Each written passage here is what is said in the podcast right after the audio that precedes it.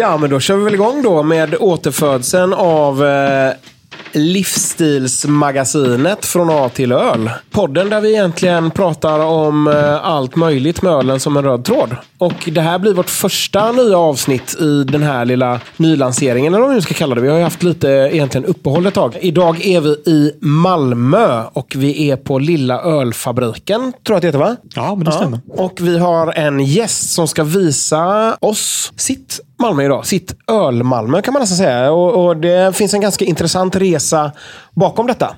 Och vi har med oss, vem då? Eh, ja, men jag heter Anders och eh, jag driver ett bryggeri som heter Elm Eleven. Som befinner sig här i Malmö. Gott. Mycket gott. Och eh, vi sitter på, på bryggeriet här eh, som, eh, där, där du brygger lite öl. Hur, eh, hur mycket, mycket produktion kommer du upp i ungefär? Eh, ja, nej, men som sagt, jag brygger ju här på Lilla Ölfabriken eh, bland annat. Men eh, just här så eh, brygger jag eh, lite större batcher och för mig eh, är det 500 liter åt gången ungefär. Som jag försöker att eh, få ut. Vart, vart hittar man dessa, dessa alster? Ja, det är ju runt om i Malmö mest just nu. Men klart att tanken är ju att det ska finnas lite mer här och där. I Sverige framförallt. Och ja, planen är väl givetvis att man vill växa eh, och växa. Men just nu hittar man det i Malmö mest.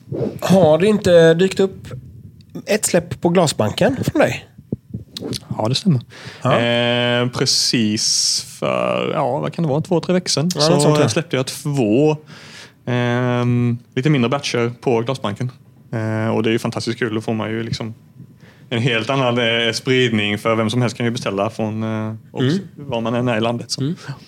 Ja, men det, det blir ju lite annat. Det blir ju öl i fysisk form på något vis. När det, när det är på flaska eller på, på, på burk istället för på fat. Att man, man har den hemma liksom. Det- Så det är ju asskoj. Nice. Vad, och vi har fått ett litet prov i glasen här också som vi sitter och smuttar lite på. Ja, men det visst. har här? Det är, man kan säga att det är lite spoiler alert. Ja. Och vi vet ju inte riktigt när det här sänds. Så att det kan ju vara att den eh, Ja, det vet vi inte. släppt då. Men eh, förhoppningsvis har vi fått ut det här tidigare. Ja, det tror jag. Ja, tror jag. Men det gör ingenting. Vi kan ju ta en liten klunk och Ska vi ta mundiga först. Du kan väl vi- berätta vad det är vi ska ta en klunk av då? Ja, precis. Det är en eh, Berliner Weiss i glaset. I glasen här. Eh, röd till färgen eh, på grund av att det är eh, massvis med hallon och passionsfrukt och vanilj. En öl som heter Common Rave. Ja, jättegott. Ja, verkligen. Du sa att det här är, det här är en 500 liters batch. Hur mycket frukt ungefär? Det behöver inte vara exakt, men alltså så cirka. Eh, ja, men eh, hallon ungefär eh, 80 kilo. Och eh, svartvinbär, förlåt svartvinbär. Eh, passionsfrukt heter det. Eh, 30-40 kilo ungefär. Du, nu, har du, nu brygger du här på, på det här bryggeriet och det får man väl absolut säga. Och vi har ju pratat om dig några gånger förr i den här podden. har vi gjort. Och vi har Det är velat man få, ju väldigt tacksam för. vi har velat få till det här avsnittet väldigt, väldigt länge. Men jag skulle vilja höra lite om vad som har lett upp till detta. Anders, hur hamnade du här? Alltså inte i, fysiskt i det här bryggeriet, men liksom, hur har din resa sett ut? För jag tror att det finns många som lyssnar. Jag vet att vi har många som, som brygger hemma och så, som lyssnar på det här. Eh, och som kanske någonstans ändå är nyfikna på eller funderar på att ta nästa steg. Liksom, och vad krävs det och hur gör man? och hur, hur, hur har du gjort för att kunna ta det steget? Liksom? När började du brygga? Eh, ja, men bra frågor. Alltså, det var så här, jag var ju inte egentligen... Alltså så här, 2016 tror jag började brygga. Så det är inte så Och första gången du bryggde någonsin? Ja, För fyra år ja. sedan? Fyra år sedan. Om, om någon för fyra år sedan hade sagt till dig när du stod, var du hemma i din lägenhet Ja, då? det var det. Ja. Om någon hade stått där och sagt om mindre än fem år så kommer du ha ett kommersiellt bryggeri som säljer öl till internetbutiker. Vad hade du sagt då? Det hade jag nog trott varit ganska otroligt, ja. Mm. Men, eh, och det hade jag nog ingen tanke på överhuvudtaget då egentligen. Nej. Utan så här, ett ölintresse. Jag var en sån här lagersnubbe som inte ens gillade lager, som drack lager ändå. Typ så här, inga namn nämnda, men... en lagersnubbe. Som pressade i sig lager liksom. Sen var det... Det var ju så att jag, jag var väl med någon kompis liksom i Helsingborg tror jag det var till och med. Och på någon AV och fick väl någon punk-IPA i glaset. Om jag ska vara ärlig. Eh, och bara, oh, va? kan det smaka så här. Eh, ja, sen dracks det väl lite mer craft beer då hit och dit. Så här. Och liksom, ja, okej, kan humle smaka så här och smaka öl annat än lager? Så att, och jag tror, tror att den resan ser nog ganska lika ut för många kan jag tänka mig när det gäller craft beer. Att man, man liksom inte vet vad som är bakom dörren innan man öppnar den och allting rasar ut. Liksom. Eh, så att det, var, det var väl där det började. Och då blev det ett intresse i den. Att, att börja öppna den dörren och se vad är bakom den och, och så vidare. Och sen var det, jag hade väl egentligen inte tänkt själv på att brygga hemma utan det var min tjej som gav mig ett sånt här kit. ehm, från en hembruksbutik här i Malmö. Och eh, vad jag eh, har för inside information är, är ju att den bryggningen gick ju sådär. Ja. Det var ju så här va. Eh, det var ett sånt här kit då. Eh, för er som lyssnar som är insatta i hembryggningskit så finns det det finns kit och sen finns det lite bättre kit. Men det här var ett av de sämre varianterna. Det är en, liksom en burk med en typ av sirap i. Som man värmer i varmvatten i diskon först. Typ. Och sen så öppnar man upp den här burken och spär ut med vatten. Och um, ja, Sen tillsätter man humle då, när, när det nu är. Är ändå, ändå så pass. Det finns ju till och med sån sirap med humle, Humle i. Ja, det gör det faktiskt. humleolja. Det gör det faktiskt. Men jag hade liksom ingen koll på någonting. Jag köpte en hink och eh, liksom allting och hade inte koll på hur allting skulle vara rent eller någonting. Jag bara hällde i skiten. Men, eh, och sen köpte jag väl, jag vet inte vad det blev, f- 50 flaskor och när allting var klart flaskade det, men det smakade, ja. Det gick inte att dricka. Det var en person som sa att det var gott. Ja, men eh, jag är övertygad om att han ljög.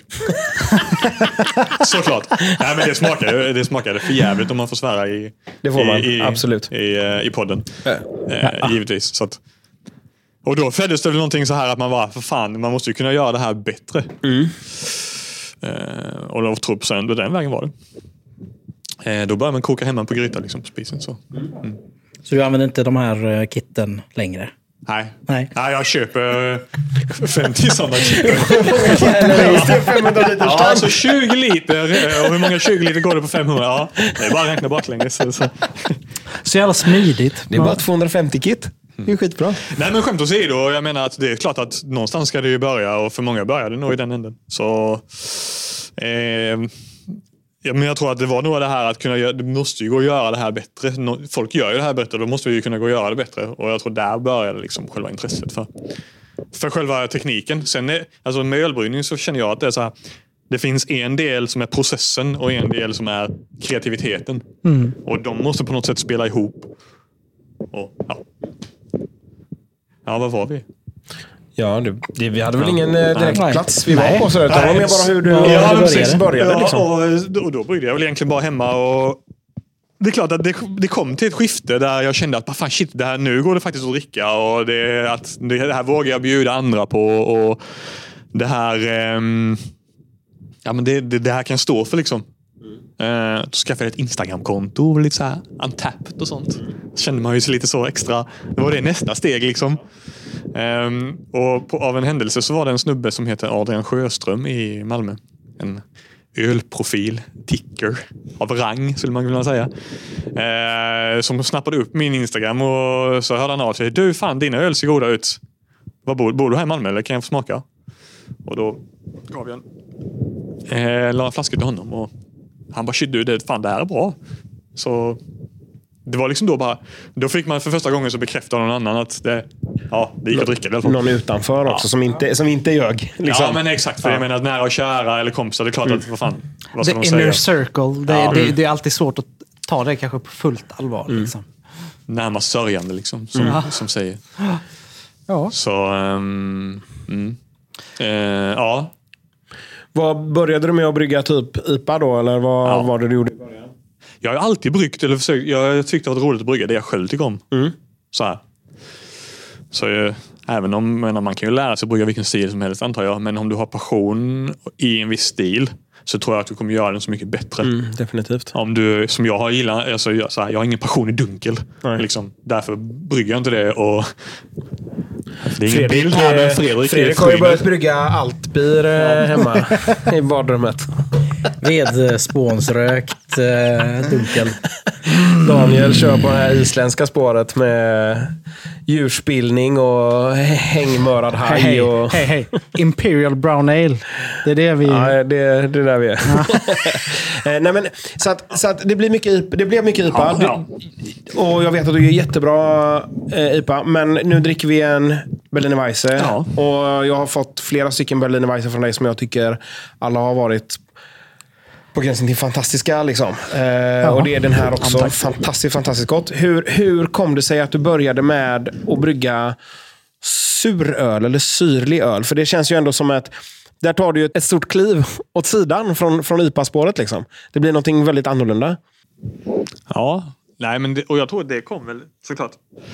Jag, jag har ju alltid uppskattat, eller alltid ska jag inte säga, men jag har uppskattat länge syrlig och eh, Berliner Weiss och allt, alla stilar liksom däremellan i, i den syrliga, eh, syrliga ölstilen. Men jag tror att det kom nog ifrån tekniken. Det här att när man börjar brygga öl, eller upplevde jag i alla fall, att man vill testa okej, det finns en, ny, en annan teknik, det finns någonting man kan göra för att göra det här bättre eller, och så vidare och gå vidare liksom i sin utveckling i, i själva bryggtekniken.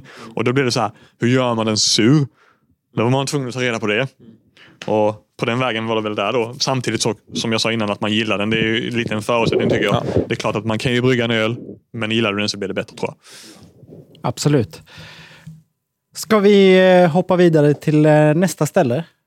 Jag vet inte, eller ska vi dricka mer öl här? Ja, men vi dricker eh, någon öl till här så, så får vi Ja. gå vidare. Har vi en sån här eh, portal vi hoppar in i kanske sen då? Sen. Så får vi se om vi kommer tillbaka till samma ställe eller inte. Ja, då har... eh, Jaha, då har portalen i Malmö öppnat sig i en eh, liten bar. Ja, precis. Var är vi nu Anders? Ja, vi har ju öppnat upp den här portalen på Beer Ditch. Eh, I Malmö. En liten härlig bar. Och vi, vi, vi sitter ju verkligen i... Det här är nog eh, den bästa platsen. En liten så här soffhörna är det ju. Jag- Super, helst ställe. Jag är här ganska ofta Jag faktiskt. kan ju säga, det här kanske kommer som en chock för många människor, men jag är ju inte från Malmö. Eh, Men jag vet att det här är ett ganska klassiskt ölställe i Malmö. Eh, Anders, du får jättegärna bara... Ja, men det är ju så. Liksom. Det är ju, jag tycker också det, det är ett klassiskt ölställe i Malmö. Väldigt trevligt, trevlig ölutbud, trevlig personal, trevligt klientell. Skulle man säga. Det känns som man sitter i någons vardagsrum. Riktigt god mat. Ja, riktigt god mat. Hemmagjorda snapsar, smörrebröd. Ja, smörrebröd framförallt. Eh, Ägaren har ju danskt. Vi har ju plockat in lite öl, Anders, som inte är från dig. Ska Ja, vi bara berätta vad vi har i glaset? Vi, jag menar, vi behöver inte skämmas för att vi dricker öl i alla fall. Nej. Nej. Andreas, du kan ju börja med att förklara vad, vad jag har med i mitt glas. Och vad Eh, du... ja, men det kan jag göra. Hörru du. du dricker eh, en eh, öl ifrån Prairie i USA som heter Oh Fudge. Och det är en eh, Imperial Stout med brownies. ja, Det dricker du. Den har jag köpt till dig.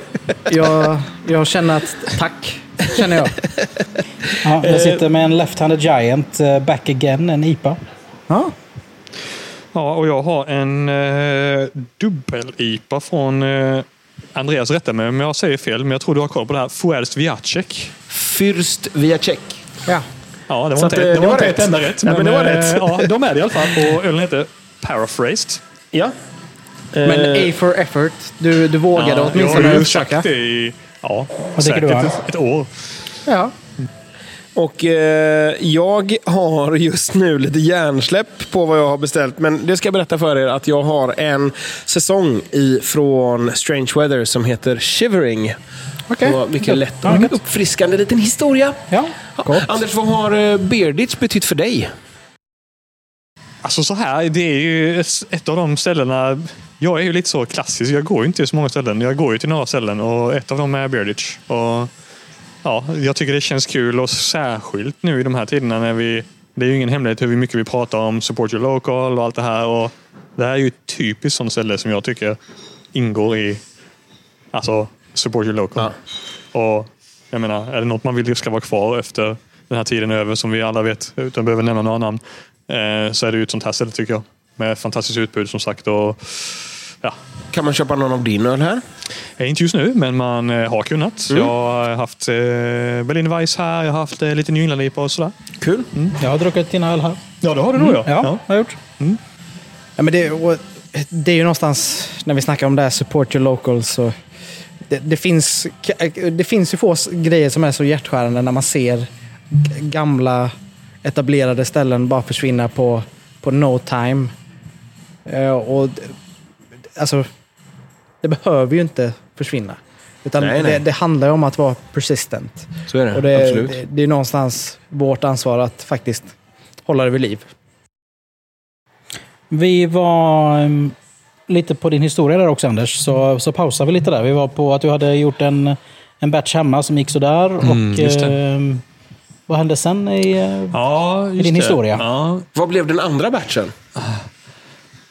Ja, en annan, det blev några IP där på spisen. Eh, alltså det är så här, man kan, jag var inne på det här, man kan göra de här eh, ölkitten som man bara knäcker ut ur en burk i varmvatten i princip. Och sen kan man ta ett steg längre, då använder man maltextrakt och lägger i egen humle och så vidare. Och det gjorde jag. Några, Det blev ändå så här, det gick att bjuda på, det gick att dricka. Men jag tror att skillnaden sen blev ju när man eh, gjorde allt från grunden med liksom malde, jag köpte mald malt och gjorde sitt eget recept och sådär och började testa på det sättet.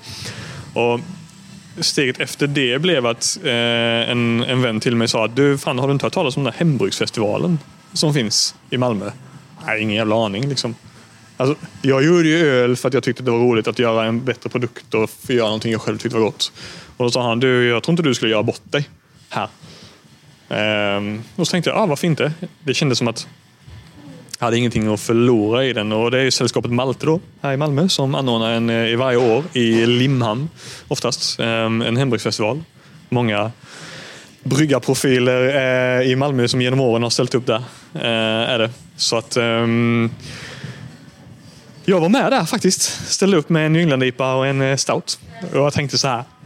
Shit, ja, är det någonting jag ska ha en chans med så är det England-IPAn. Men det visade sig att, faktiskt att stouten gjorde bättre ifrån Var du sig. Så- nervös?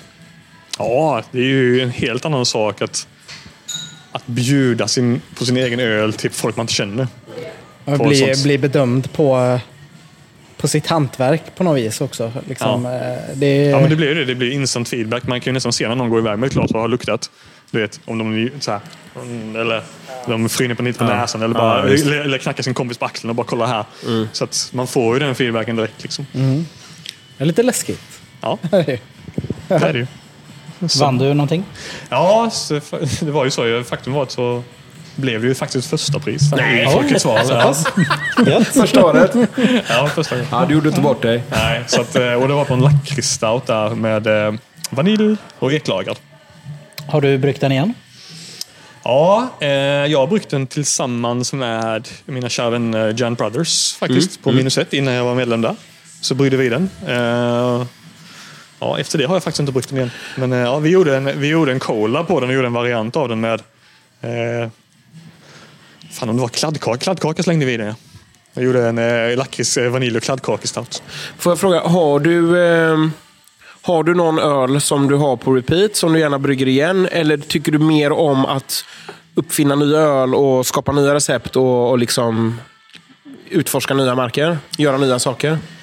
Ja, jag nog tror inte jag har bryggt någon öl två gånger så och kallat den samma sak i alla fall. Sen är det klart att så här är det ju när man brygger en IPA eller så. Det är klart att de är snarlika till varandra men vi gillar alltid att testa någonting varje gång Ja. liksom, som är nytt.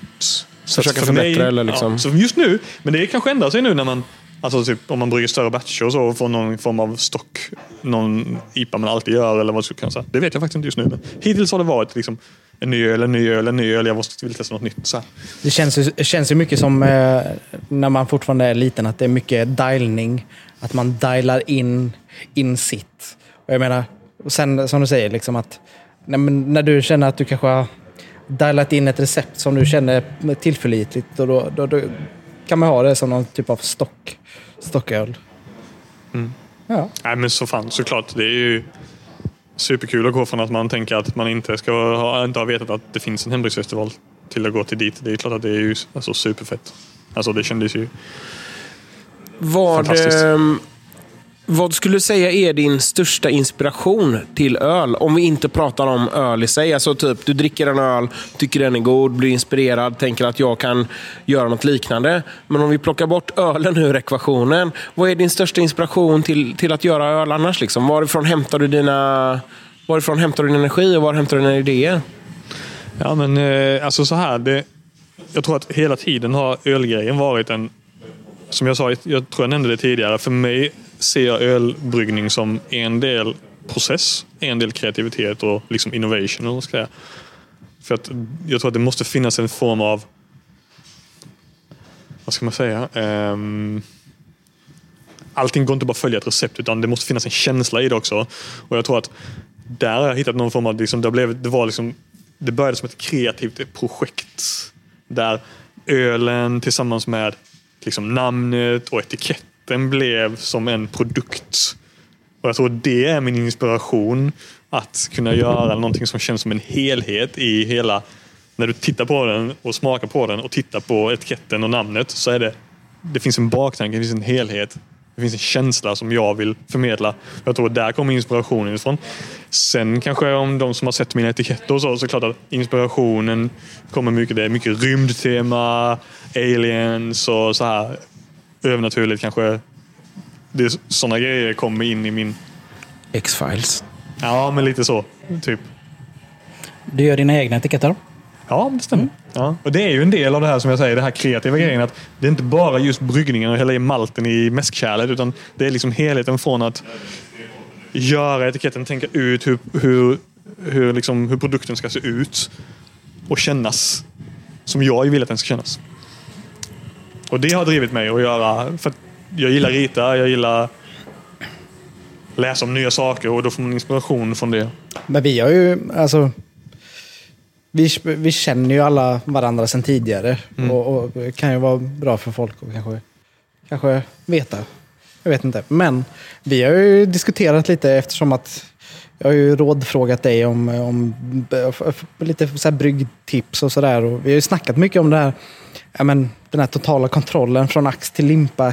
Att hela den processen är så intressant för att det är sällan man har, har den kontrollen. Liksom. Och det, här har du ju ett forum där du faktiskt verkligen bestämmer att jag vill göra det här och så det, det är den här directionen jag, jag går med mitt artwork och, och hela den biten. Liksom. Ja, precis. Jag trodde det skulle vara svårt för mig kanske typ att släppa kontrollen av en bit. För då känns det som att då förlorar man den känslan som jag har skapat i varumärket liksom LM11 då.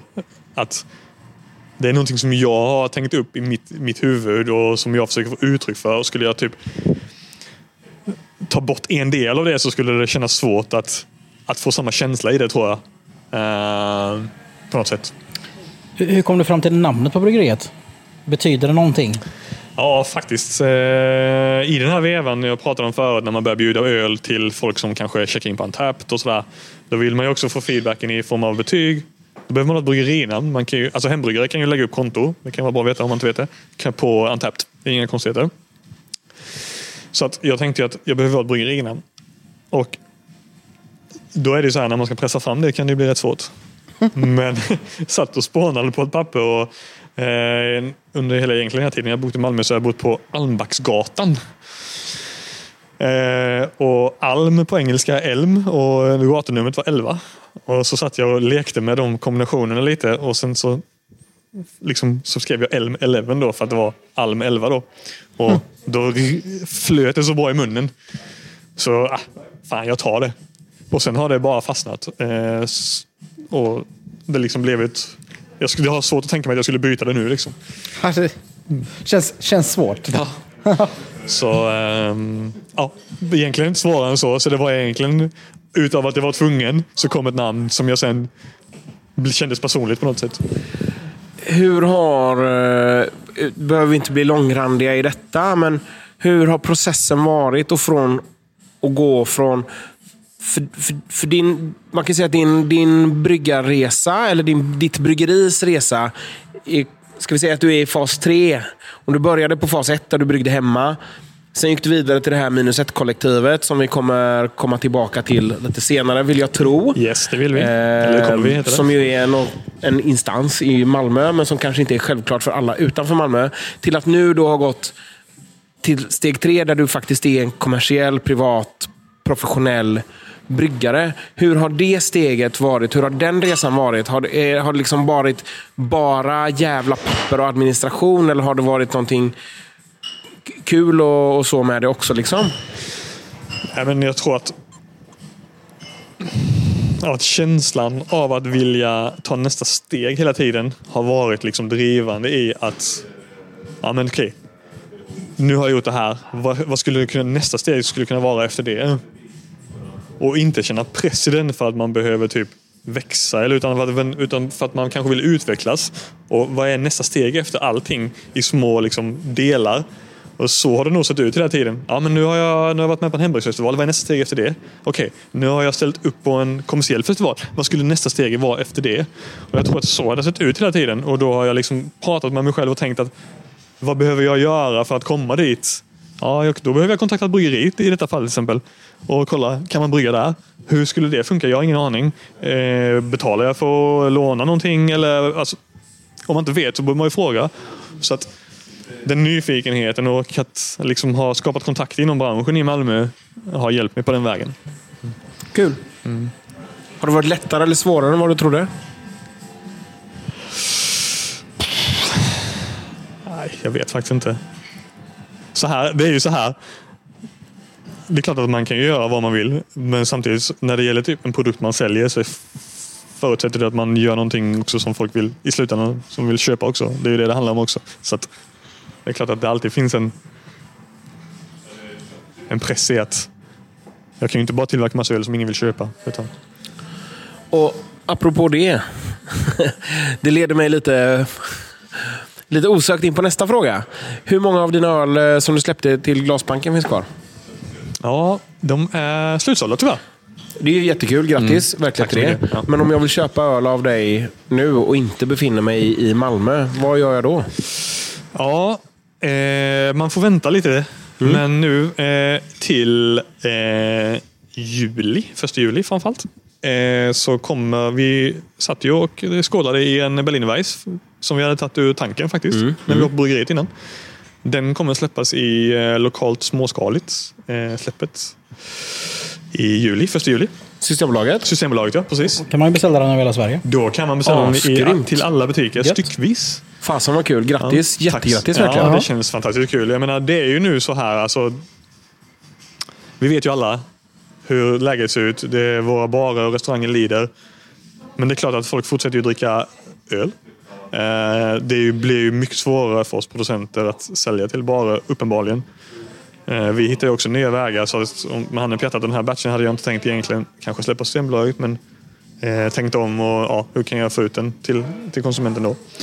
Så att den kommer släppas tillsammans med en eh, torrhumlad lager som eh, är en, eh, ett samarbetsöl med Shad Beer. faktiskt. Okej. Så eh, en torrhumlad lager med mosaik och eldorado. Kommer på 44 centiliters can. Gott. Nice. Bra sommarsize gräsklipparöl. Ja, ja, visst. Ja, men det kändes lite så, du vet. Man kan du så... Ah, nu ska Ja, men det, här det gräset känns, eh, känns som en eh, så här, Ja. quencher. Så att man Ja. bara...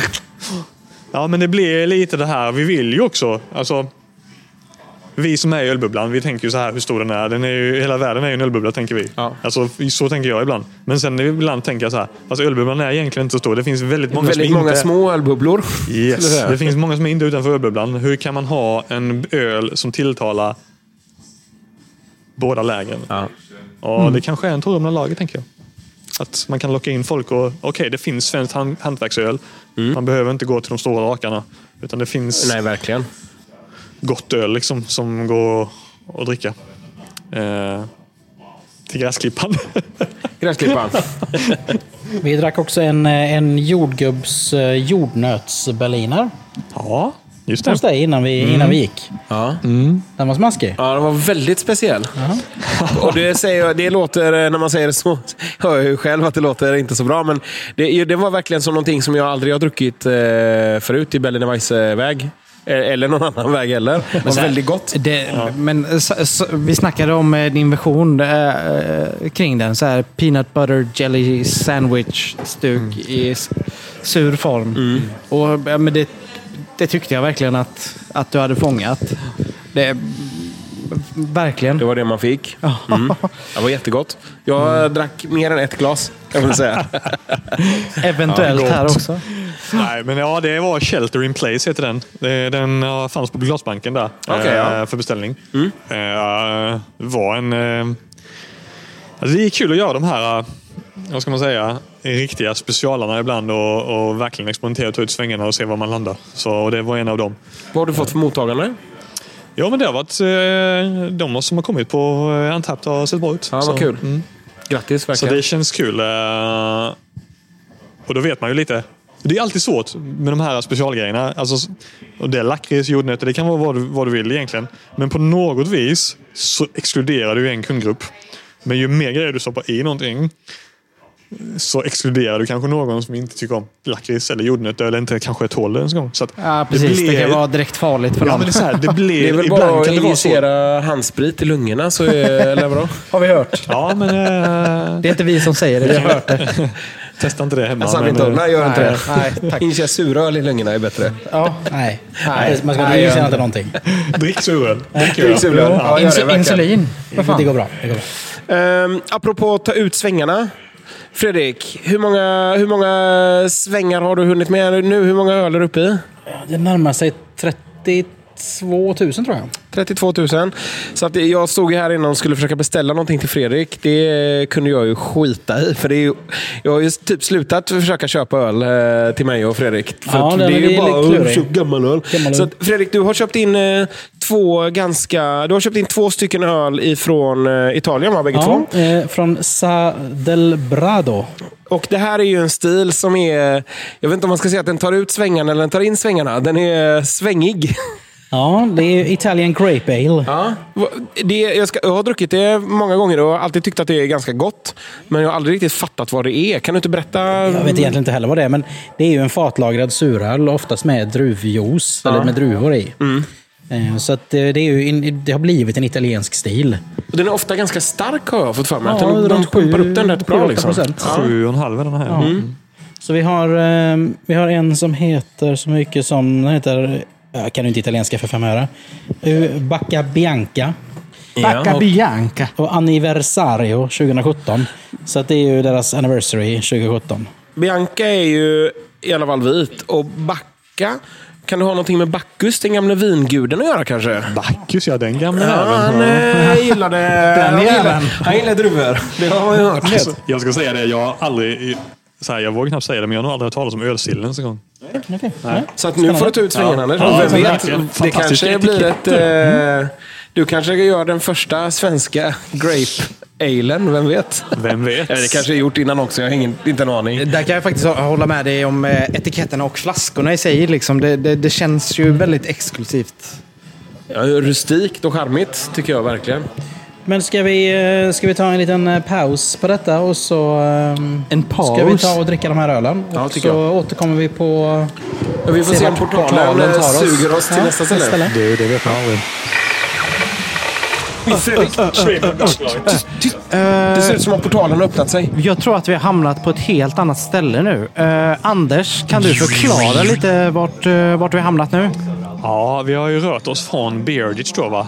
Ner eh, in i hjärtat av Möllan eh, i Folkets Park. På eh, närmare bestämt Far i hatten. Oh, Ännu ett ställe som jag då som eh, low and behold, icke Malmöbo, ändå faktiskt har hört talas om väldigt många gånger men aldrig har besökt. Och jättekul att vara här. Tack, tack Anders för att du drar hit mig. Ja, men fantastiskt. Ja, tack. tack ja, det är ett supertrevligt ställe. Det, de har ju öppet året runt givetvis, men eh, framförallt på vår och sommar och så här höst så har de ju öppet hela sin, eh, vad ska man säga, kalla det? Tysk, du kan Uteservering. uteservering, ja. men- Irrgarten. Ja, exakt. De, de, de kör hela sin repertoar. Ja, ja, men det gillar jag ju mycket, väldigt mycket. Du vet det här att man kan komma och dricka bärs eh, och sitta med andra och lättillgängligt och eh, ja, Du det Anders, ap tilltalar mig väldigt mycket. apropå Bigarten. Jag vet ju att du liksom jag eh, uppskattar att åka till Berlin. Vilket är din favoritbiergarten i Berlin? Det här blev en väldigt spontan fråga, men Oj. eh, den är viktig. Det, det finns ju en klassisk som jag brukar gå till bara för att det är den äldsta i Berlin, tror jag, där, i eh, Prenzlauer Berg som Ja. heter... Vad heter den? Prategarten, tack. Jag tror inte det är den äldsta. är Vet du det. att det, det är faktiskt en gammal, eh, det är en gammal badplats. Det är ett gammalt bad. Eller? Eh, Ett så att jag, vet, stadtbad, kanske? eh, jag vet inte om du har tänkt på det, men det, står, det finns höga torn som står rätt upp i marken där. Ja, just det. är de Ja. gamla hopptornen till polerna. Så det var, där var det alltså typ ett friluftsbad med utomhuspooler fram till sent 80-tal i alla fall. Ja, fan det visste jag inte. Nej, men det det gillar jag. Det, det är så. Plantegarten är supernice. Det känns klassiskt eh, utan att vara eh, expert i ämnet. Det är faktiskt min favorit Biergarten också. Får man Jag tycker en den är. Berlinerweisse med syrup i. Ja. Antingen eh, hallon eller vad heter den? Eh, Waldmeister. Ja, exakt, så det är gott. Det är ändå gott med Ja, sugrör. Ja. Och man kan även få en eh, god eh, eh, kristallweissbier med citronen. Som också är gott. Ja. Nej, men det är ett eh, gött ställe. Så det, är, det, är så att det är ett jävligt trevligt koncept tycker jag. Man, det känns inkluderande. Det känns så att alla är välkomna och man kan komma och dricka öl och man kan umgås. Ja, och det, det gillar jag. Ja. Det är ett gött, gött häng, verkligen. Det här verkar ju onekligen som ett gött häng också. Bara så här nu när man, när man sitter och ser sig omkring lite. Vi, vi har bara rusat in, packat upp inspelningsutrustning, Ja, beställt. Och eh, jag har knappt hunnit reflektera. Men det här är ju, känns som en gammal, nästan som ett gammalt torp. Och sådär. Fredrik har ju lyckats skänka oss alla öl. Just det. Eh, jag Ja, visst. beställde in en, eh, en, en öl från Dugge som jag har sett på sociala medier. Som jag inte lyckats få tag i riktigt. Men nu har jag hittat den. Och det är en öl som heter Dark. Det är eh, något så sexigt som en Schwarzbier från Sverige. Det är inte så jättevanligt. Nej, det är det inte, men vilket, eh, vilket Tysklandspådrag det blev. Ja, Jäklar. vi, all, alla lä- vägar leder till Berlin. Till Berlin, så såklart. Så att den, den ska vi dricka nu. Danne, vad köpte du? Du tog en Apex. Ja, men jag, jag, jag t- t- tog väl en... eh, Så jag snackade om innan lite så här quench-aktig eh, öl från Apex. Deras mosaik eh, du- double dry hop. Eh, ja, men, nå- något enkelt och bara... Andreas, du tog Jag eh, tog en... ju eh, Dugges eh, sur i hatten som de då brygger till det här stället. Har bryggt till det här stället. Jag vet inte om de gör den fortfarande, men den hade de fat. Den har Ja. funnits här i ett antal år. Ja, så, det får du starkt. Kul. Det är någon sour. Anders, vad fick ja, du? vad fick jag? Jag fick en eh, session-IPA från eh, To Öl i Danmarks nya bryggeri. De har ju eh, byggt ett nytt bryggeri utanför Köpenhamn som heter To Öl City. En jäkligt stor anläggning. Det hade jag faktiskt ingen aning om. Det har jag missat också. Jag trodde att Tuell Köpenhamn var Brus gamla. Ja, men, eh, exakt. De har ju ett bryggeri där, ja. men de har också öppnat ett nytt... Eh, jag frågar mig inte exakt vad i utanför Köpenhamn det är. Det är i någon form av utanför Köpenhamn, men det är ett riktigt stort komplex. Eh, Och tydligen Ja. sådär super high-tech och Ja, jätte state of the art. Allt är nybyggt. ja, så, visst. eh, och de här cansen. Jag har testat någon annan, en dubbellipa bland annat, när jag som jag köpt på eh, brusshoppen där nu i dagarna. Mm. Eh, som var riktigt... Oj, nu spiller vi lite här. Som var riktigt goda också. Så det ska bli kul att testa en eh, session-IPA som heter City. För Anders, det här är ju lite, det här är ju lite eh, komiskt. Tragikomiskt kanske. Du, du har ju bott i Malmö ett tag. Ja, Men just nu bor du inte i Malmö. Nej, jag flyttade till Malmö för ja, åtta år sedan ungefär. Ja. Förutom en liten session i Stockholm så har jag faktiskt nyligen precis flyttat till Köpenhamn. Ja. På tal om Köpenhamn. Och eh, du flyttade till Köpenhamn för att uppleva friheten. Ja. Och vad hände sen? Ja, så att eh, två dagar efter jag och min eh, kära sambo flyttade dit så... Ja. Vi vet ju alla vad det är för tider. Vi behöver inte nämna det vid namn. Nej. Jag är så trött på att höra det. Ja. Men eh, ja, det blev en viss lockdown i det danska samhället. Och Så att det är inte så mycket Där är frihet nu. eh, brukar du vara här ofta?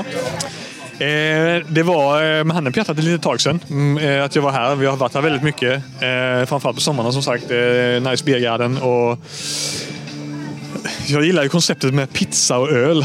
Så jag satt ju och funderade på innan vi skulle göra det här eh, podden att vad fan ska vi gå och dra- käka pizza och öl? Ja, vi pratade här innan vi gick on air så att säga. Att, ehm, I min Stockholmssession så var jag nog fan en gång i veckan på Omnipoys hatt och käkade pizza och drack öl. Och jag gillar det konceptet, pizza och bärs. Och då tänker jag, så, de har bra pizza här, de har god öl. Det är bra häng. Låt oss gå till Far i hatten. Vad, vad, eh, om vi, eh, om vi pratar lite om eh, Anders Elm Eleven. Vad gör du när du inte brygger? Vad hittar du din inspiration liksom utöver själva just bryggandet och i ölen? Vad gör du? Vad gillar du mer att göra? Jag vet att du gillar musik. Ja. Alltså, jag, handen på hjärtat, man har ju ett dayjob också. Så och sen så brygger man öl. Men eh, ja, det är som... Jag tror att vi pratade om den här kreativa, vad ska man säga, viktigt att få... Processen, ja, eh, kring att göra en produkt. Och jag tror att musik är en stor del av det givetvis. Särskilt när man typ ritar etiketter och sånt. Jag lyssnar väldigt mycket på elektronisk musik till exempel och ambient och så här. Och jag ritar väldigt mycket i, som jag sa tidigare med space och rymd och planeter och så här. Och På något sätt så känns det så mycket lättare när man lyssnar på någonting, en musik som har mycket rymd. I, om du tänker att det är mycket space i, i, i musiken så blir det också lättare att, att, att visualisera hur man ska rita en etikett. Du lyssnar inte på Explosions in the Sky då eller? Kör eh, postrock som är extremt rymdigt. Nej, det gör jag faktiskt inte. Men det är mycket typ techno i och ja, ambient som sagt. Det kan vara progressive house. Det är mycket i det spektrat. Så det ger ändå mycket inspiration i, i skapandet av i alla fall framförallt den grafiska profilen. Skulle jag säga. Så det är en del. Men annars, ja. Gör du egen musik eller jag konsumerar du mer andras? eller? Konsumera mer andras. Jag har ju ändå så här velat komma in i den här musikskaparbranschen. Men nu är jag ju väldigt mycket inne i ölen givetvis. Men jag har ju lite så här, har ju ändå köpt DJ och sånt. så här. Man vill ju vara och, och öppna den dörren också. Ja, men det är visst. ju många dörrar att öppna. Ja. Men jag har nog inte riktigt talang för det här. Alltså här. Säger du nu, det, det säger du nu Anders, men för mindre än fem år sedan så stod du hemma i köket och tänkte att jag har nog inte så mycket talang på det här heller när du skulle göra din första öl. Så att det, det tycker jag nog inte du ska bestämma dig för riktigt ännu. Fair, Nej, fair enough. Ja. Men som sagt, jag är inte tondöv, men det är klart att, att det, det, för mig är det lättare att skapa en... Att, att ha ett tomt glas och skapa en öl än att man säger att en musiker skapar ett... Eh, att någonting är helt tyst och skapar en låt. Alltså, det är ju... Det är ju Exakt samma sak. Ja, jo, det är ju det. Men på något sätt ibland så är det svårare. Om du har ett vitt papper så är det lättare för mig att rita någonting än att skapa en låt från ett helt tyst rum. Det blir lite flummigt. Ja, men fast för- å andra sidan, om du, sitter, om du sitter i ett helt tyst rum så behöver du typ bara andas för att skapa ett ja, ljud. Så att, ja, ja. liksom. Nej, men, och, och där kan jag ju förstå dig. För att jag tycker ju... Jag kan ju lättare göra ett klipp på 30 sekunder musik som är producerat jättebra än att göra en öl.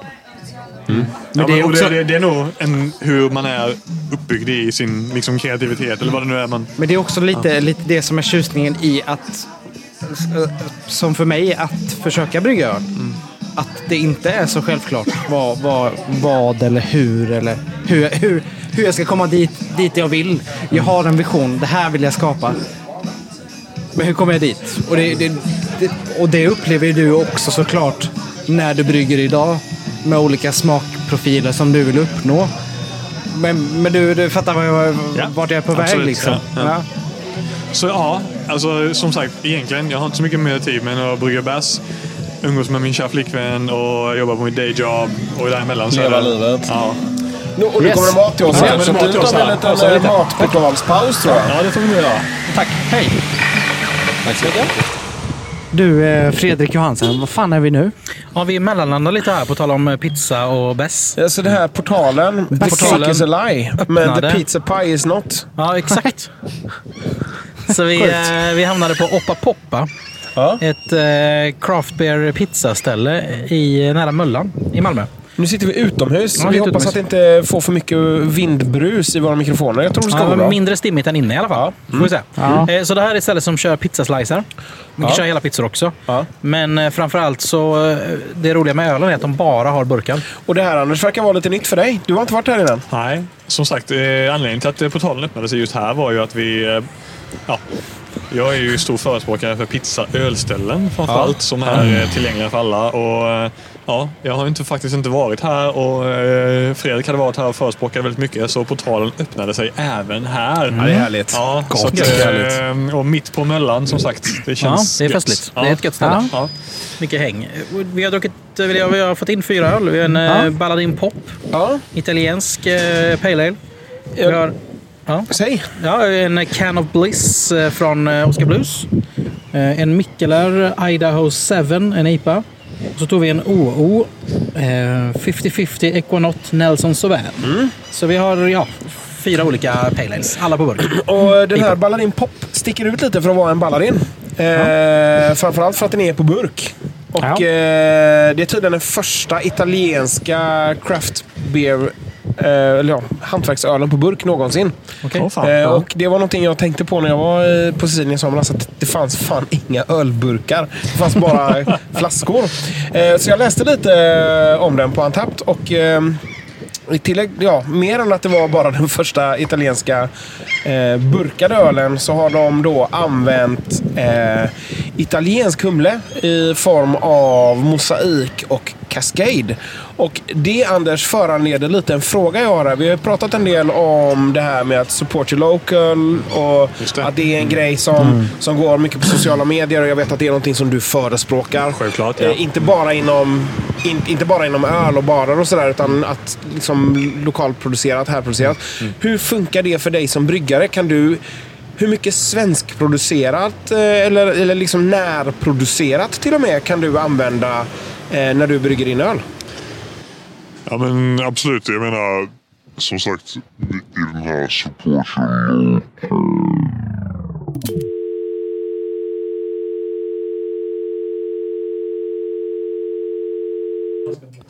Så att det... eh, Ja.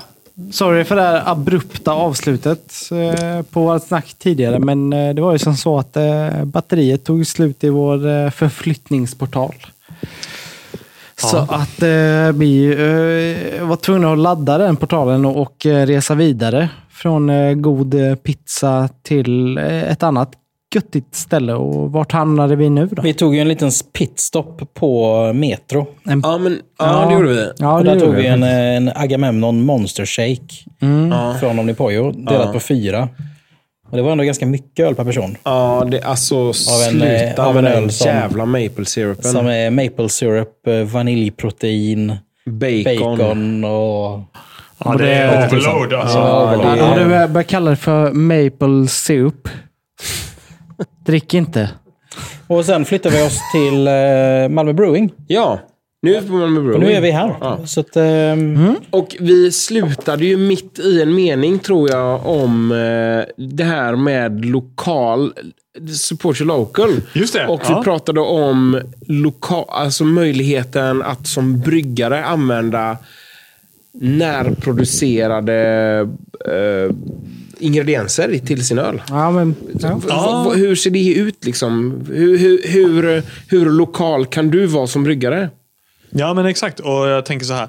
Den här det har ju blivit en, liksom en kampanj i Support Your Local och hur vi som konsumenter, som slutkonsument egentligen, går att vi är och handlar, vi är på vår lokala restaurang, kebabhak, bar, vad det än är. Men såklart att ansvaret, precis som du säger Andreas, det är ju att hur kan, vad kan jag göra som producent och som bar också egentligen? För att Det finns ju också ett ansvar för den lokala baren att ja, vad kan jag göra för att ta in det lokala sortimentet också? Så jag förstår såklart, man vill ha en diversitet i sitt utbud på öl och så vidare. och så vidare. Men det är klart att det finns ju även Även om det är ett ansvar på slut, eh, slutkonsumenten så är det ett ansvar på baren. Det är ett ansvar som oss som producerar också ölen.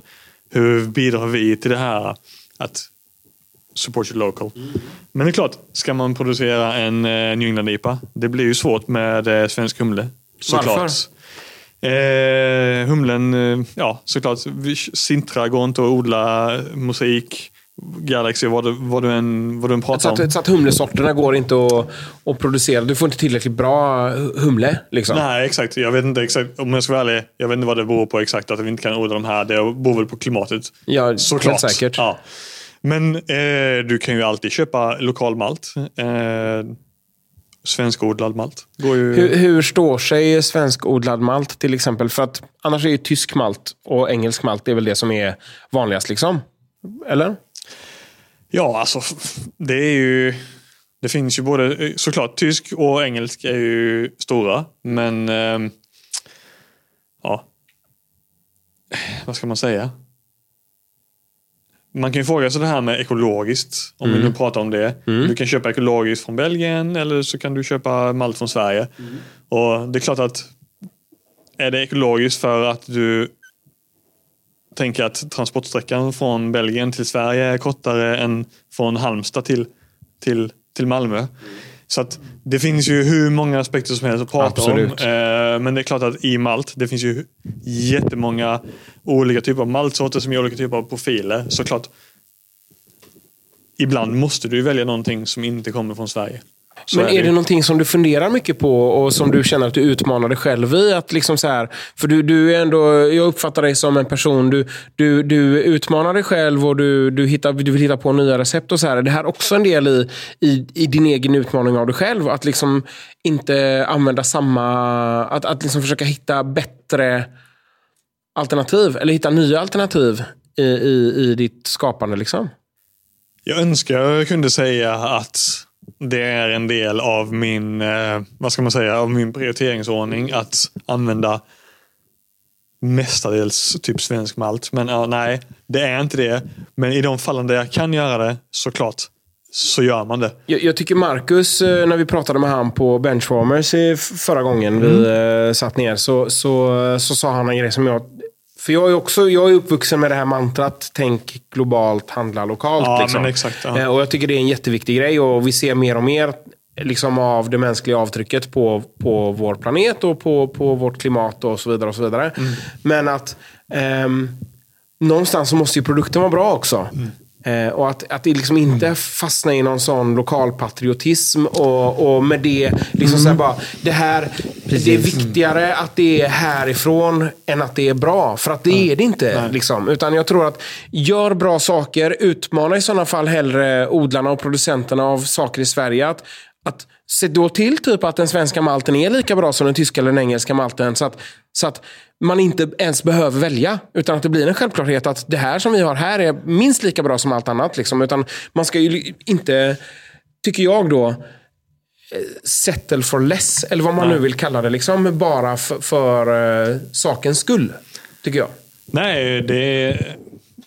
Jag har ju lyssnat på avsnittet och jag eh, instämmer helt och hållet. Det är liksom, såklart, du kan aldrig, även hur mycket du än vill att det ska vara local och allting, du kan ju aldrig tumma på din egen kvalitet. Och någonstans där stannar det ju egentligen. Att, såklart, local i all ära, men okej, vad är nästa steg? Ja, det är Swedish. Okej, vad är nästa steg? Och det är ju givetvis fortfarande bra. Ju, Ja, herregud. Ja, absolut. eller hur? Ja, Ja, men, men det, är det, det ja, men det är klart. Det, det, det är ju någonstans det man har att jobba med. Är det så att det som är lokalt inte håller den standarden som du är ute efter, så kan du inte använda de grejerna heller. Men däremot så kan det också vara åt andra hållet, att det är så att du vill jättegärna köra bara lokala grejer. Men sen är tillgängligheten mycket svårare. Det är mycket svårare att hitta grejerna. Liksom. Det, det är mycket svårare. Det kan vara, ja men vi har, eh, vi, vi, vi har den mängden malt du behöver om ett halvår. Ja men det, men det är inte riktigt då jag behöver malt liksom. Men såklart, så är det ju också. För att brygger du en pilsner eller en, eh, någon lager eller någon annan typ av liksom, mer klassisk stil. Då är det klart att då finns det ju mycket mer att tillgå också i, i närområdet kanske. Ja. Men såklart, New England IPA är ju en speciell stil eller vad du nu än brygger. Då blir det ju mer begränsat vad du kan göra med den lokala råvaran. Jag tror, jag tror och hoppas att det här är ett ämne vi eh, kanske får återkomma till eh, i fler avsnitt. Fredrik ser chockad ut. Vi har ju fått in lite öl också. Ja, vi har fått in Ja. ganska mycket öl, Fredrik. Ja, vi har fått in massa öl. Eh, vi har valt lite i lokalpatriotismens anda. Ja, men som går local? Så har vi, har vi valt eh, öl ifrån Malmö. Och vi behöver inte nämna alla öl vi har fått här, men vi har fått in i alla fall eh, åtta olika öl bara från Malmö brygghus. Så vi har allt härifrån eh, IPA, Quadruple, Blueberry, eh, Berliner Weisse, Kettle Sour. Eh, vi har en bitter som bryggdes till, eh, som heter JSC bitter. Som bryggdes till Jonas Karlsson Strå. Som en, en Malmö-ölprofil som gick bort här för inte så länge sedan. Så den är bryggd till hans ära. Vi har lite West Coast IPA och själv dricker jag en tysk eh, pilsner. Ja, Det är oväntat. festligt. Det är gott. Så att eh, en blandning av stilar och eh, ja, till och med en Irish Dry Stout från Malmö. En Och- collab med Stigbergets. Just Mm. Det fanns ju en öl eh, som Fredrik eh, glömde beställa här på listan, Anders. Vilken var det? Eh, ja. Det var en öl från Maren med Leven va? Ja, jag har ju en öl på listan här va, men eh, Fredrik har redan druckit den så vi, vi tar inte in den denna, denna gången. Jag kollar tyvärr inte på det. Jag kollade, jag kollade bara på öl från Malmö. Men Skämt, ja, skämt nästa gång. Skämt åsido. Ja. Vi, eh, vi, jag tycker det är superkul. Vi tar in öl från Malmö Brygghus. Det här är ett ställe som jag verkligen ja, ska jag säga, älskar att vara på. Eh, superbra taplist varje dag man är här. Eh, väldigt folkligt. Vem som helst är välkommen. Håller väldigt hög eh, standard skulle jag säga i Sverige och internationellt för den delen. Vi pratade ju med Anders eh, också i, i förra avsnittet. Eh, och Han gjorde verkligen ett jätteavtryck eh, hos mig. Eh, hur, hur viktigt är, är Malmö Brewing och deras taproom för ölscenen i Malmö? Alltså det är ju en central, alltså det är en central punkt skulle jag säga i, i Malmös ölscen. Eh, liksom mycket kretsar kring det här stället och alltså de, har, de, tar in, de, de tar in både lokala men också eh, öl från världskända bryggerier så, och producerar själva väldigt bra öl. Så jag tycker att det är en det är en central punkt i Malmös ölscen helt enkelt. Och jag, menar, jag kommer ihåg första gången jag sålde mitt första fat hit och det är inte, väldigt, det är inte alls länge sedan. Det är, det är under ett år sedan. Och den stoltheten jag kände att kunna leverera mitt första fat hit. Det är ändå, det sitter ändå kvar och det kommer vara en milestone i min, i min ölkarriär. kul. Skulle jag säga. Fan vad härligt. Ja. Jag tycker att det här är, jag har inte varit på alla ölställen i Sverige, men jag tycker att det här är ett av mina favoritställen. Det är definitivt mitt favoritställe när det kommer till Malmö. När det gäller i utbudet av öl och så, ja, en variation på listan. Mycket egen öl, ungefär en tredjedel någonstans. Ja. Eh, Men, men allt är gott. Ja. Och även om inte alla stilar är min stil så är det, allt är välgjort och välproducerat. Så. Det finns alltid en bubblare. Här. Jag- jag känner jag, känner jag någonstans. Det- Men det är lite så här, oj. Här, det här var ju superspeciellt. Det här trodde jag kanske inte att jag skulle gilla, men oj. Tycker, jag tycker jag i alla fall, varje gång jag har varit här så har jag fått Vi någonting. har ju en, en flaska Driffontainen Rode Bospes i kylen som väntar på oss. som kanske är den bästa ölen jag har druckit i år. Lingon Lambic. eh, känner spontant att det här är nog det här är ett ställe som jag ser fram emot att komma tillbaka till varje gång jag kommer hit. Och, och liksom, varje gång jag åker till Malmö så är jag typ så här, det, och det är inte skitofta. Det, det, så är det definitivt. Men eh, jag ser fram emot, är det så här bara, oh, hur kan jag klämma in hur kan jag klämma in Malmö Brewing på, på det här besöket idag? Liksom? Vad kan jag göra för att ta mig till den delen av stan och bara få smita in där en sväng? För det, ölen är ju skitbra, men jag tycker att hela stället, alltså hänget, hänget i sig, viben här är ju underbar. Jag tycker det är bara så jävla nice ställe att bara få sitta och hänga på. Så att, eh, Nu sitter vi på tredje våningen idag. Den är normalt sett inte öppen och inte idag. Men ehm, det är rätt skönt när vi spelar in. För nu är, det, nu är det tyst och vi sitter helt själva här uppe. ja. Men eh, ja, busy dagar så är det ju fullt här också. Ja, men och det är just det som jag tycker, som, som du säger, man, det är verkligen ett inkluderande ställe. Det är verkligen öppet för alla. Och ölnörd som eh, första gångs besökare så känns det verkligen välkomnande och det, det, det tycker jag är väldigt viktigt. Det, det säger ju en del också att, att det var inga konstigt att vi fick sitta här uppe och spela in. Utan det var, var ju mer bara en självklarhet. Att, ja, men det är inga här. Så att klart att ni ska få sitta här. Och Ja, det var en i personalen som sov, men han ska ändå börja jobba snart så de måste slänga ut honom. Ja. vi, har, vi, vi har ställt klockan. Var, vart var vi på eh, din resa? Ja, vad var vi där? Egentligen. Nej, men vi, vi, vi snackade Vi snackade om hembygdsfestival. ja, Ja. hembygdsfestival. Och eh, en, en collab med Gent Brothers. Jag flyttade till Stockholm där ett tag. i... ehm, Fortsätter du brygga då? Ja, det blev ju lite så här. Jag tänkte ju i min enfald så här.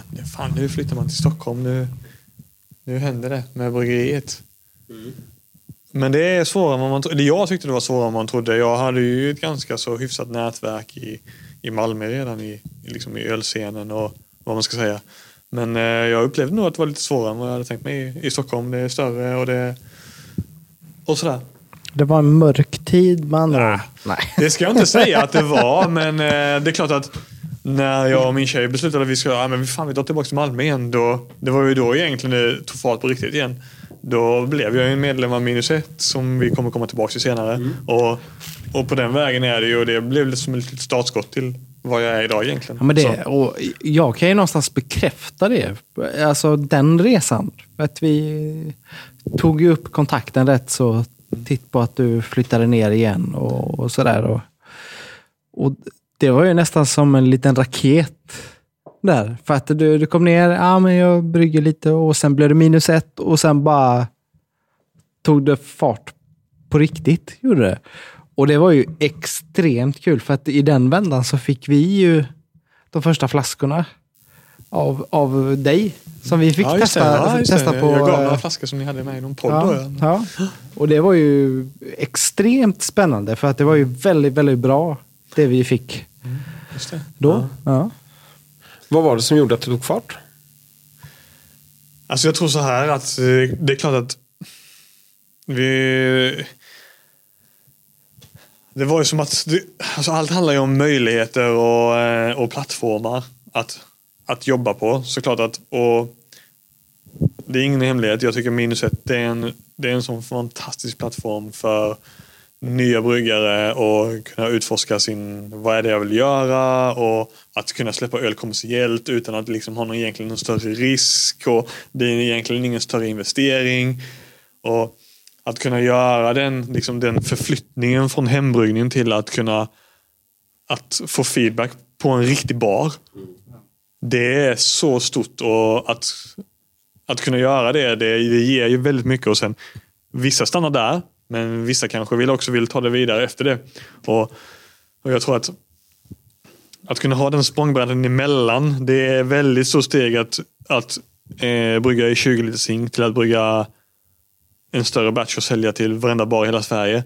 Att kunna ha ett mellansteg däremellan gör väldigt mycket. Och det är unikt i, i Sverige skulle jag säga. Det finns en, jag, jag vet inte hur många bryggkollektiv det finns, men jag tror det är inte många. Och eh, Minus ett är nog en av de första i Sverige i att kunna erbjuda den, den, typ, av, den typ av miljö. Ja, men den Så typ att- av språng, Ja, språngbräda. det är, och det är så jävla många bra bryggare som har, är medlemmar och har passerat genom den kollektivet. Skulle du säga, alltså så... Det känns, nu blir det kanske lite, lite sökt fråga typ, men eh, vad är minus ett? Uppenbarligen är ju någonting som gör Malmö unikt i, i, ur ett bryggarsammanhang. Finns det några andra, som du säger, som du, ändå, du har ändå bott i Malmö, du bor i Köpenhamn, eh, du har bott i Stockholm. Finns det några andra saker som du tycker gör Malmö unikt, som gör Malmö till... Eh, för jag kan känna att Malmö är kanske lite av en underdog eh, i ölsverige. Som gärna försvinner lite i, i skuggan av Stockholm och Göteborg som är enormt stora städer vad det kommer alltså till antal bryggerier och även kvaliteten på, på mycket av det. Alltså, om, om vi pratar öl i världsklass så känns det som att Malmö kanske blir lite mer lokalt. liksom eh, och som inte kommer Det är inte så mycket som kommer ut ifrån Malmö till, till resten. Finns, vad, vad tycker du gör Malmö unikt?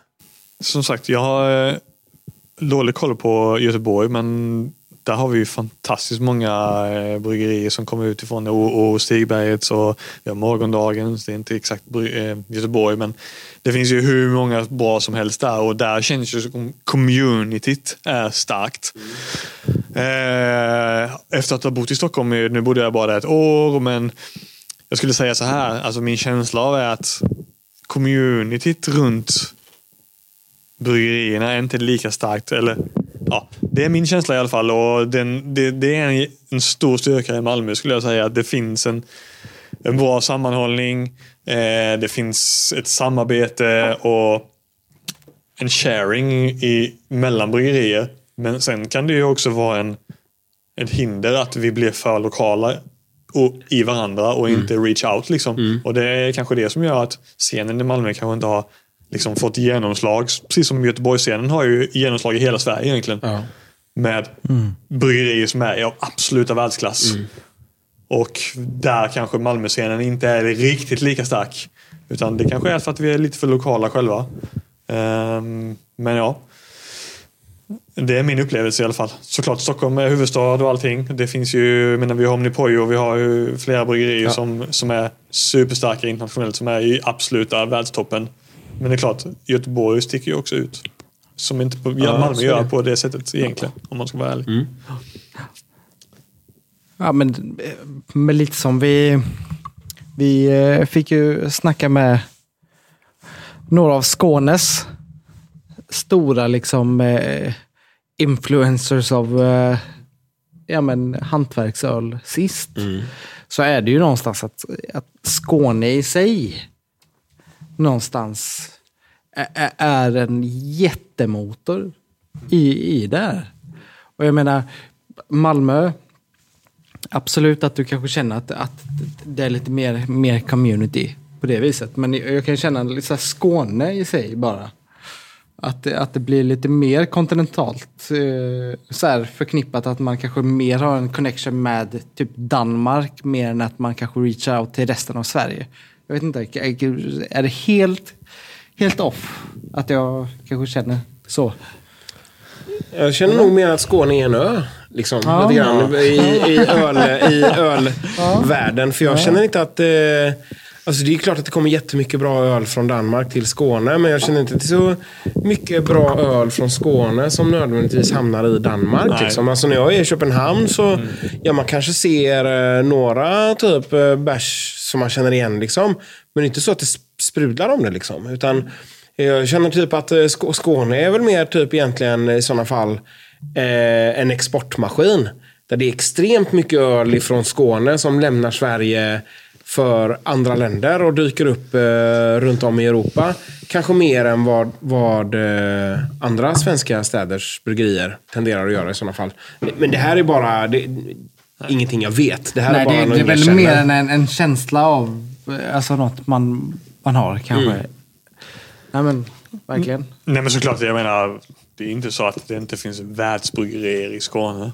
Alltså, Ja, nej, finns, ju- är ju bara ett, ett, ett exempel. Ja. Alltså som exporterar till stora delar av världen. Jag menar, ni pratade med Marcus väl bara Mm, förra avsnittet och man hörde honom hur han pratade om export och så. Jag menar, Mm. Det är ju sjukt inspirerande att bara höra hur, hur hans innovation och hur hur han tänker på att, hur han vill växa. Ja, men såklart. Men jag håller med dig Andreas att när man är i Danmark, det är inte så att det, det bara på varenda tapplist i Köpenhamn hänger svenska öl.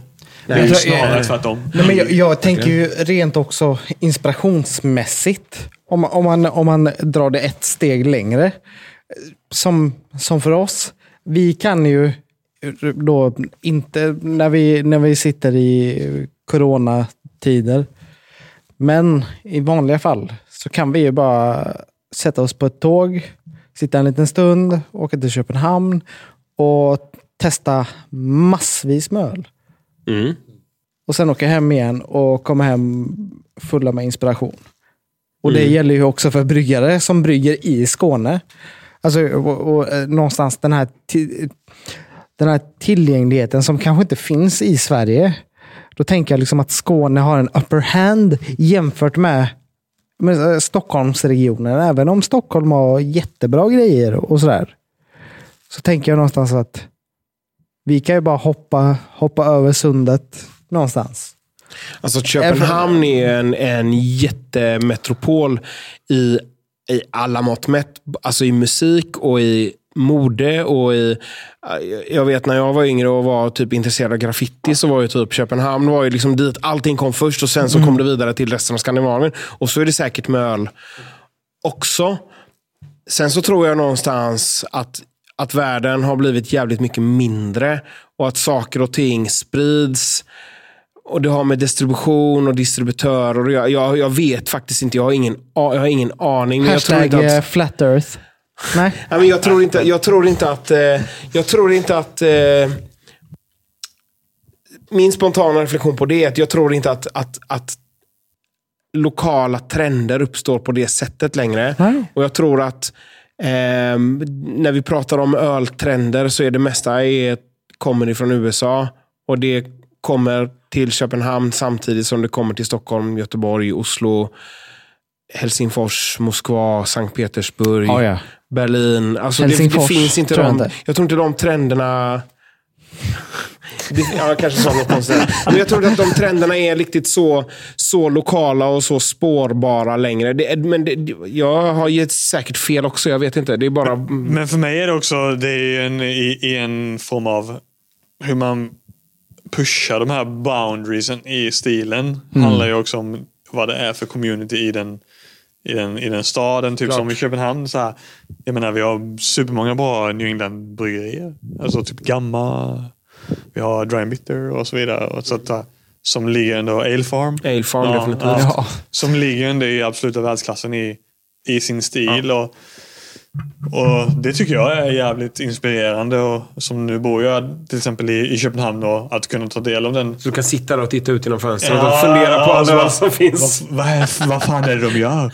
Nej, Nej men skämt åsido. Det, det finns en... Det blir en... eh, Ja. Ja. Det, nu blir det lite Flum. flummigt. Det blir lite abstrakt här. Ja, men det- jag ja, tänker, eh, eh, ska det vi öppna en det. portal? ja. Det gör vi. Vi har kört ett eh, kraftigt pitstop här, verkligen utan utrustning och nu kör vi bara iPhone som inspelningsmedia. Ja, och vart är vi nu då? Ja, men vi har landat här på Bergsgatan eh, utanför Essensspecialistens eh, hembryggningsbutik egentligen. Ja. Vi har i glasen en eh, Imperial Stout. En jättegod Imperial Stout. Ja, från... Nerd Brewing. Det är Nerd Brewing, ja. Eh, Override. Over, ja, den är god. Eh, Override eh, Imperial Milk Stout. Eh, ja, 2020-modellen faktiskt. Fantastiskt god. Jätte, jättegod. Och, Anders, vad är det som gör att vi stannar här? Ja, alltså vi har ju pratat om resan och så här. Och det var ju faktiskt här allting började. Så jag tänkte, när vi är på väg ut i Malmös vimmel så stannade vi här på eh, Essensspecialisten där eh, allting började egentligen. All malt har köpts, eh, all humla har köpts. Och eh, i all anda av eh, Support Your Local så är det inte mer än rätt att hej, fan. Ni som brygger hemma, det är inte många kronors skillnad att köpa sin malt, sin humle, sin gäst på Essensspecialisten i Malmö.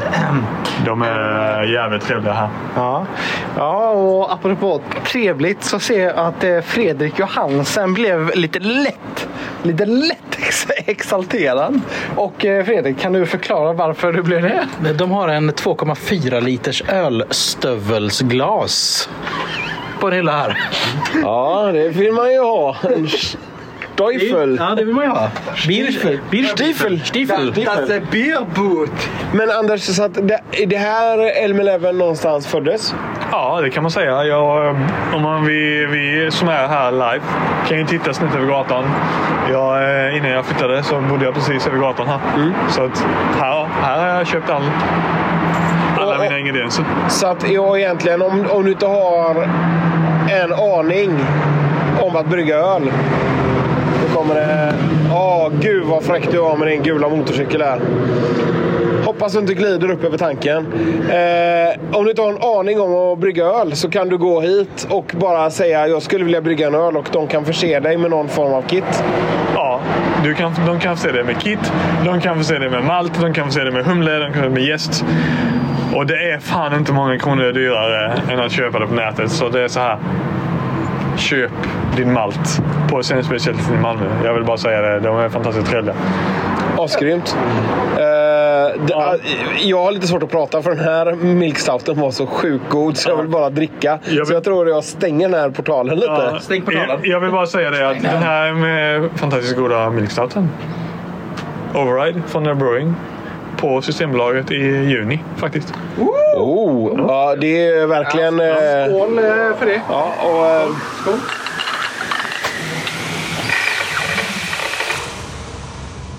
Okej Anders, då sitter vi på eh, Bishops Arms, eh, Gustav Adolfs torg. Ja, Och det var här eh, din kommersiella mm, bryggning började kan man säga va? ja det kan man säga. Eller en trappa ner. Ja, en trappa ner i minus ett. Minus ett. Ja. Ja. Det var här den första kommersiella ölen släpptes egentligen. Ja. Jag gjorde en, eh, egentligen innan jag blev medlem i minus ett, en eh, samarbetsbryggning med eh, Gent Brothers. En IPA och vi gjorde stout också dagen efter. Bakfyllan egentligen. Gott. Ja, gott. Det är så det blir när man samarbetsbrygger oftast. Mycket öl och mycket skratt. Så ja, det var här det började. Och vi började egentligen eh, den här resan som vi pratade om idag på Lilla Ölfabriken och det är där jag är idag. Och det känns som naturligt att slu- avsluta den här konversationen på mm, här på Minus 1 och på Bishop Holmes i Gustav där allting egentligen den kommersiella resan började. Och här du fortfarande har öl på fat. Ja, absolut. Ja. Ja. det har jag. Vi har faktiskt en öl på fat här idag. Så Ja, så är det, det. ja, det gott. finns en Berlinerweiss med hallon och svartvinbär och vanilj. Mm. Om man vill eh, suga på testa det. Ja. Gött. Men jag tänker att eh, mina kollegor fick springa till tåget på grund av eh, Ja. tågkaos på väg till Helsingborg. Spring på spåret. Orcher på spåret. Ors. Den vita handen. oh, nej, det är... Vilka är det? Det är Uruguay. Ja. Uruguay. Ja, det är Uruguay. Ja, ja, ja, ja. Men eh, det blev lite abrupt slut. ja. Vi vill tacka så jättemycket för en galen dag i Malmö. ja. Med allt vad det innebär. Och du har visat oss eh, de bästa ställena. Och vi har druckit en massa god öl. Och det kanske hörs nu, men eh, Ja. hej. Ja, Unfiltered. Men, ja, men faktiskt det är så här. Unfiltered bass. Eh, vi har tagit oss runt av vad det jag tycker är det roligaste i Malmö. Um, support your local och ja, men allt vad det innebär. Och där jag har hittat inspiration. Och, ja, så jävla roligt att ni har kommit till Malmö och velat göra det här med mig. Så ja, tack så mycket. Svinkul att få göra det här. Och eh, det här sätter ju lite ribban för nästa bryggare som vill eh, utmana oss i det här. Så Vi utmanar. Ja, tack. Tack.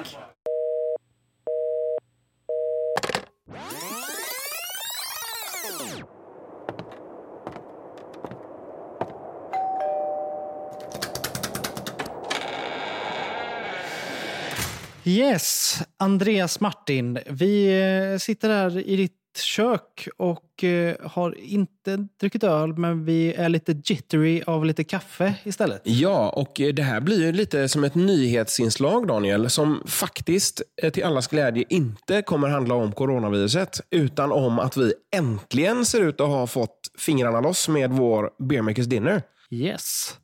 Eh, och det är ju någonting vi har snackat om ett bra tag ändå. Ja, Vi har- verkligen.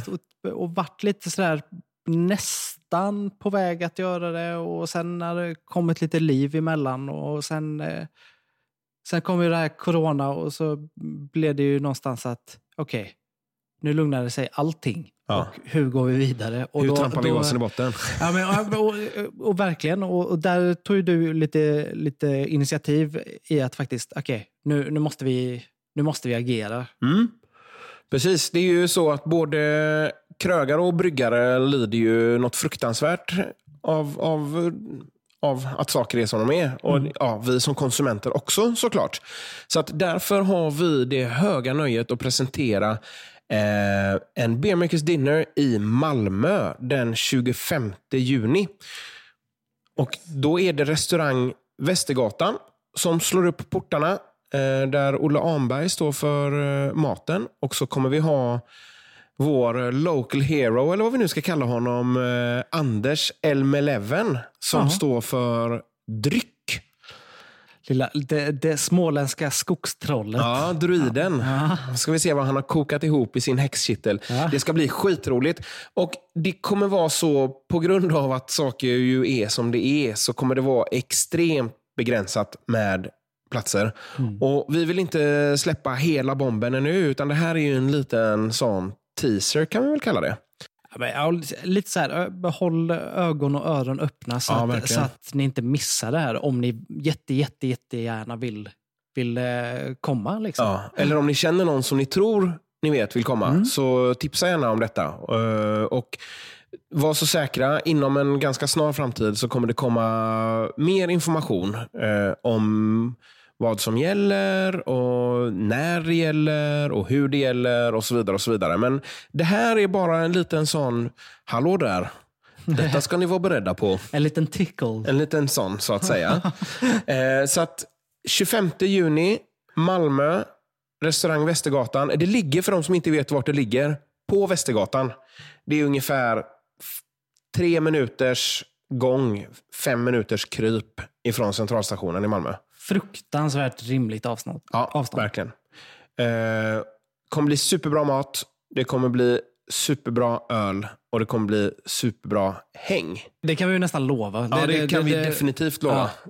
Eh, så att med det sagt så säger vi väl så att eh, vi hörs snart igen. Ja, Ja, gött. Ja. Fint. ha det bra. Hej. Hej.